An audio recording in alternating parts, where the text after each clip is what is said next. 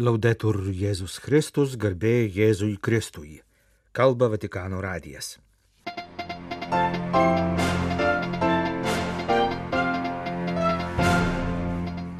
Popiežius susitiko su grupė piligrimų iš Lenkijos. Popiežiaus užuojauta mirus italui vyskupui dalyvavusiam Vatikano antrajame susirinkime. Vatikane rengiami senų hebrajiškų dokumentų tyrimo kursai. Toliau kalbėsime apie būsimuosius kardinolus, šį kartą trumpai pristatysime kardinolų skiriamą Malazijos vyskupą.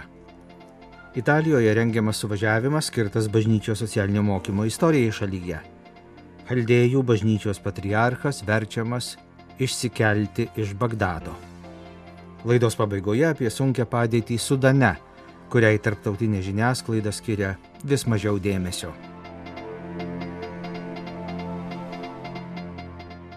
Pirmadienio Liepos 17-osios popietę popiežius Pranciškus prieėmė apie 150 piligrimų iš Lenkijos, Romoje dalyvavusių bendruomenės šviesa ir gyvenimas rekolekcijose, kurioms vadovavo Lodzės arkivyskupas Gžegošas Ryš, vienas iš būsimųjų naujų kardinolų.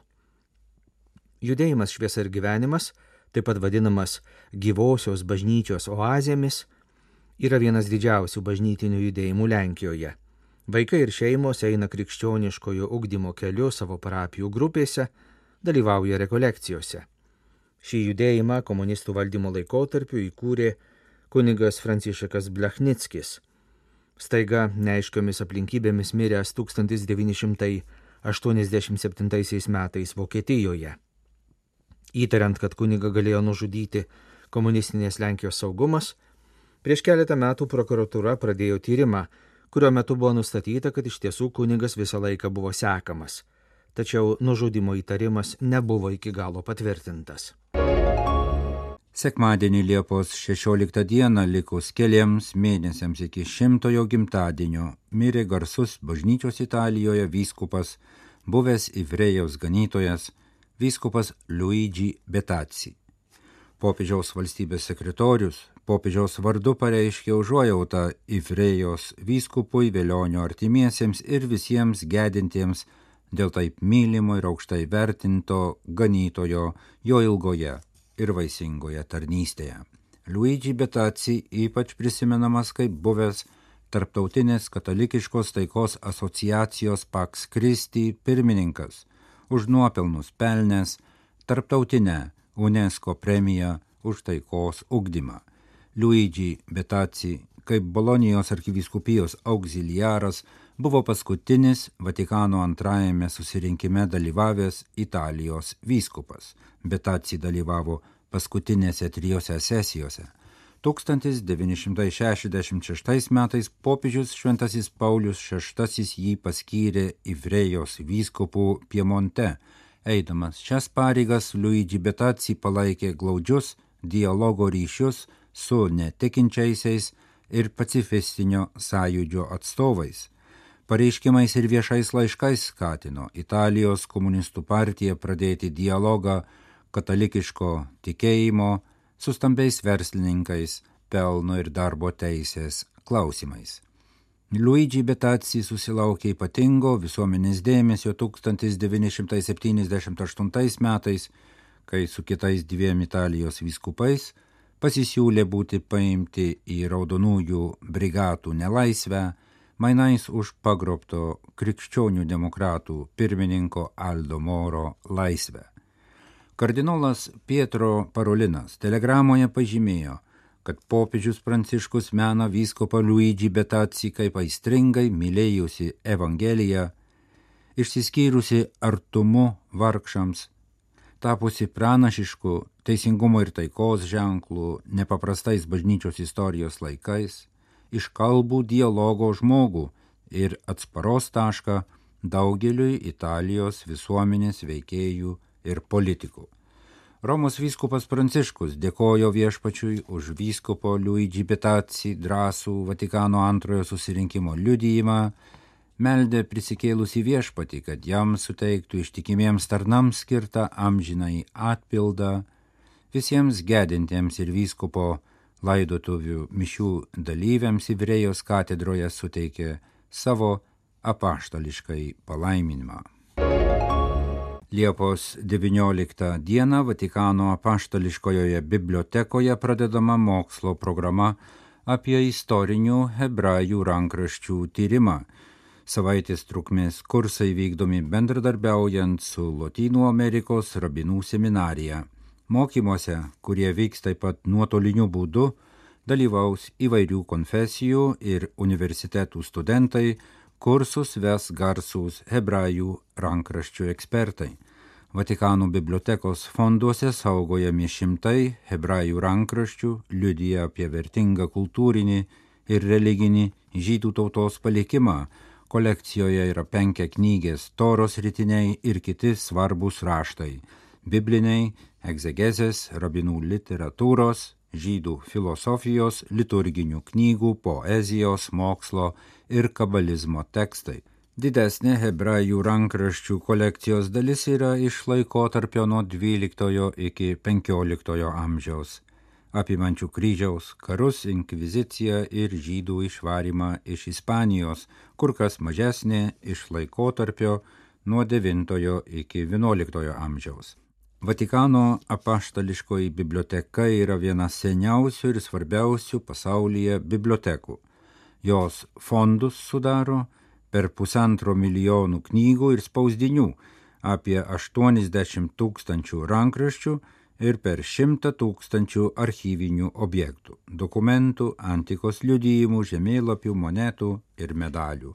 Vatikano biblioteka yra atvira mokslininkams ir kvalifikuotiems tyrinėtojams. Buenos Airėse veikianti Lotynų Amerikos rabinų seminarija Marshall Mayer laikoma pagrindiniu akademiniu žydų ugdymo centru ispaniakalbėme Lutynų Amerikos žemynė. Nuo 1962 metų seminarija parengė daugiau kaip šimtą rabinų ir tūkstantį žydų bendruomenių mokytojų ir vadovų. Joje mokosi ir formuojami ne tik rabinai. Seminarijoje gali studijuoti taip pat nežydai dvasininkai.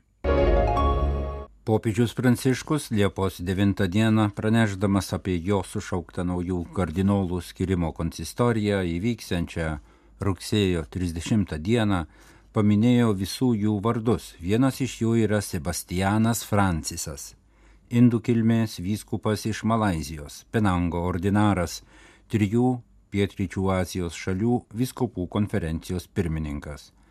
72 metų Sebastianas Francisas bus antruoju malaziečių kardinolų kolegijoje, bet pirmuoju elektoriumi iš Malazijos. Santykiai tarp religijų ir etninių grupių pietryčių Azijoje tai tema, kurią jis atneša į kardinolų kolegiją. Užaugęs migrantų iš Indijos šeimoje Malazijoje, jis gali atnešti dinamišką pietryčių Azijos bažnyčios patirtį. Gimęs 1951 metais Džorbarų mieste Malazijoje, nuo 2012 metų Penango vyskupas šalies šiaurėje, nuo 2017 metų vadovauja vyskupų konferencijai apimančiai Malaziją, Singapūrą, Brunėjų, Azijos vyskupų konferencijų federacijos centrinio komiteto narys. Žinia apie kardinolo paskirimą džiugiai sutikta ir Indijoje, iš kurios jo seneliai išvyko į Malaziją.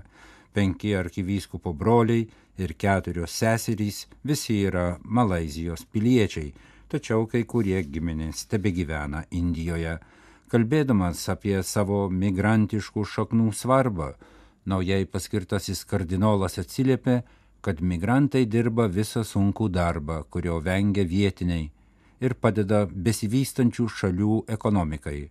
Kartu jie atsineša kultūrinių ir dvasinių lobių, kurie suteikia daugeliui šalių naują dinamiką. Jūs klausotės Vatikano radio tęsinę programą. Bažnyčios Italijoje atstovai persvarstys Kamaldolio kodeksą praėjus 80 metų nuo jo paskelbimo. Kamaldolio kodeksas laikomas pamatiniu programiniu socialinės krikščionybės Italijoje dokumentu. Jis buvo priimtas 1943 m. Liepos mėnesį. Italijos vyskupų konferencija kodekso jubiliejaus proga Liepos 21-23 dienomis Kamaldolio abatijoje Toskanoje surengė suvažiavimą apie dokumento aktualumą šiandien. Suvažiavimo darbus atidarys Italijos Respublikos prezidentas Sergio Mattarella ir uždarys kardinolas Pietro Parolinas, kuris sekmadienį Liepos 23 dieną abatijoje aukos užbaigiamasis mišes. Įvadinę suvažiavimo kalbą pasakys kardinolas Matėjo Dzupi, Bolonijos arkivyskupas ir Italijos vyskupų konferencijos pirmininkas. Pranešimus skaitys garsus Italijos katalikų akademikai. Suvažiavimo tikslas Įvertinus dokumento svarbą ir aktualumą naujosios istoriografijos šviesoje ir ištyrus jo šaltinius, autorius, teologinius ir filosofinius išteklius, parengti išvadas apie bažnyčios galimybės ir vaidmenį dabartiniais laikais ugdyti brandų ir samoningą katalikų dalyvavimą šalies pilietinėme ir politinėme gyvenime.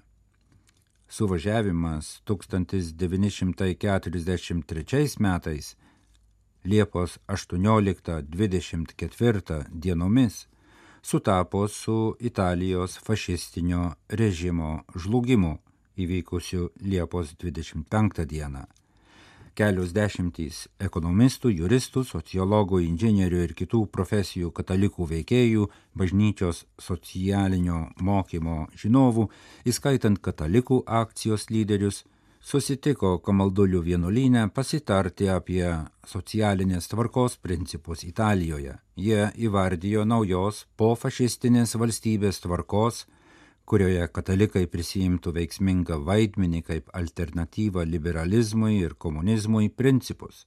Kamaldolio kodeksas suteikė vieningos katalikų socialinės veiklos pagrindą pokaryje ir tapo įkvėpimo šaltiniu besiformuojančiai krikščionių demokratų partijai, dominavusiai Italijos politinį gyvenimą nuo antrojo pasaulinio karo pabaigos iki šaltojo karo pabaigos.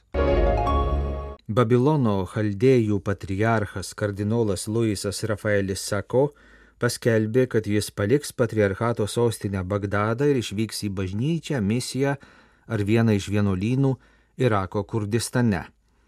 Šis pranešimas šeštadienį Liepos 15 dieną arabų kalba pasirodęs oficialioje chaldėjų patriarchato interneto svetainėje buvo paskelbtas po to, kai Irako prezidentas Abdullas Latifas Rašidas atšaukė ankstesnio valstybės vadovo Džalalo Talabanio 2013 metais išleistą dekretą, kurio kardinolas buvo pripažintas Haldėjų bažnyčios patriarchu.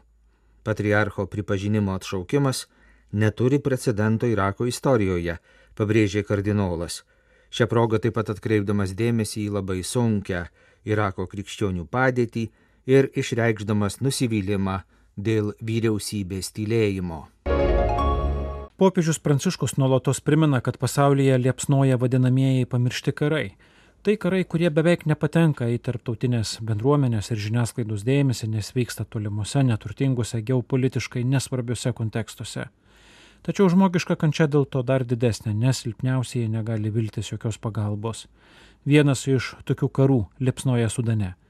Junktinių tautų žmogaus teisų aukštasis komisaras Volkeris Turas Liepos 13 pranešė apie Darfūrę, rastą bendrą kapavietę su 87 kūnais žmonių, kurie buvo nužudyti RSF grupuotės etninės priklausomybės pagrindu. Grįžčiausiai smerkiu civilių gyventojų ir į nelaisvę paimtųjų žudimą. Be to esu pasibaisėjęs dėl to, kad su žuvusiais, jų šeimomis ir bendruomenėmis buvo elgiamasi taip beširdiškai ir nepagarbiai turi būti atliktas skubus išsamus ir nepriklausomas žudinių tyrimas, o atsakingi asmenys patraukti atsakomybėn, pareiškia jungtinių tautų pareigūnas. Tačiau reikia pridurti, kad atrasta kapavietė priglobė tik mažą dalį aukų. Jų skaičius vertinamas mažiausiai 3000. Naują karo etapą Sudane prieš tris mėnesius pradėjo du karo vadai, kurie prieš tai buvo pasidalyję valdžią. Vienas ėjo prezidento, o kitas viceprezidento pareigas. Vienas vadovavo armijai, o kitas sukarintai grupuotėjai RSF. Abu jie atstovauja tam tikras etninės grupės bei valdžios tinklus. Vatikanius šiomis dienomis kalbino Vatikane reziduojantį misionierių, kuris dėl sudėtingų aplinkybių panoro nutilėti savo vardą. Sudėtingiausia situacija, pasakoju, jis yra Sudano sostinėje Hartume ir Umdurmane. Šiuos du miestus skiria tik upė. Kitas didelis susirėmimų žydinys yra Ubeida, vidurio Sudane, kur bombos pataikė ir į katalikų katedrą. Pasak misionieriaus didžiulė problema be pačių karinių grupuočių susirėmimo yra bendro skurdo ir smurto klimatas, kuriame dalyvauja ir civiliai - vagystės, plėšimai, prievartavimai, padėgymai, vandalizmas. Daug žmonių nori pabėgti nuo smurto ir sumaišties, tačiau anot misionieriaus jų galimybės nedidelis. Keliai kontroliuojami arba jų paprasčiausiai nėra, o Sudanas daugiau nei tris kart didesnis už Prancūziją. Kai kas sugebėjo išvykti lėktuvu, skrydžių, kurie dar liko, ir kitų kelionių kainos labai didelės. Daug žmonių patraukė į su Sudanu besiribojančio pietų Sudano pasienio zoną, ten saugiau. Tačiau pietų Sudanas yra viena iš neturtingiausių valstybių pasaulyje ir pabėgėliams negali suteikti jokių paslaugų - elektros ar vandens, sanitarinių sąlygų. Tradicinė sudaniečių kryptis taip pat yra Egiptas, tačiau pastarajame spėjama jau yra 4 milijonai sudaniečių ir dauguma iš jų neturi leidimų gyventi. Egiptas leido suprasti, jog daugiau pabėgėlių nepriims. Be to, Egiptas nenori remti Sudano prezidento, nes jo vadovaujama grupuotė absorbavo ankstesnio islamistinio režimo atstovus, su kuriais jis nesutarė. Misionierius paminėjo ir rusų, kurie valdo įvairias aukso kasiklas interesus. Iš Darfūro regiono žmonės taip pat bėga į Čadą, kuriame gyvena tos pačios etninės grupės, bet, pasak misionieriaus, jis neturi patikimų žinių. Darfūre kurio plotas priliksta visai Prancūzijai, veikia tik trys parapijos. Misionierius patvirtino, kad Port Sudano uostamistį pasiekė humanitarinė pagalba iš Rodonojo kryžiaus, iš arabų kraštų, tačiau pasak jo didelis klausimas, kas su ja atsitinka iškrovus. Ar jį pasiekia tuos, kuriems skirta, ar patenka į grupuočių rankas. Atrodo, kad ji nepasiekia net kartumo. Katalikų bendruomenė Sudane sudaro labai nedidelę mažumą. Vis tik Hartumo arkiviskupijoje iki karo veikė 60 katalikiškų mokyklų. Prasidėjus susirimimams, kunigai ir misionieriai liko savo darbo vietose, tačiau smurtui ir grasinimams pasiekus labai aukštą lygį dauguma pasitraukė. Buvo evakuota ir apaštalinė nunciatūra. Pasak misionieriaus, tai buvo sunkus ir traumuojantis pasirinkimai, likusiems dar sunkiau. Bažnyčios struktūros tengiasi padėti kuo gali kartais humanitariniais paketais, kartais pagalba išvykti kur saugiau, bet neslėpė misionierius iš Sudano, didžioji bažnyčios gyvenimo ir veiklos dalis yra paralyžiuota. Anot misionieriaus, net jei karas greitai baigtųsi, o už tai jis meldžiasi kasdien bus sunku atsitiesti, nes jo žodžiais mums sulaužyti kaulai. Teks pergalvoti, kaip ir ar įmanoma bus tęsti parapijų bei mokyklų veiklą. Daugeliu išvykusiųjų gali būti neįmanoma sugrįžti ir todėl, kad Sudanas labai nenoriai suteikė leidimus įvažiuoti misionieriams. Jam pačiam tokio leidimo teko laukti keliarius metus.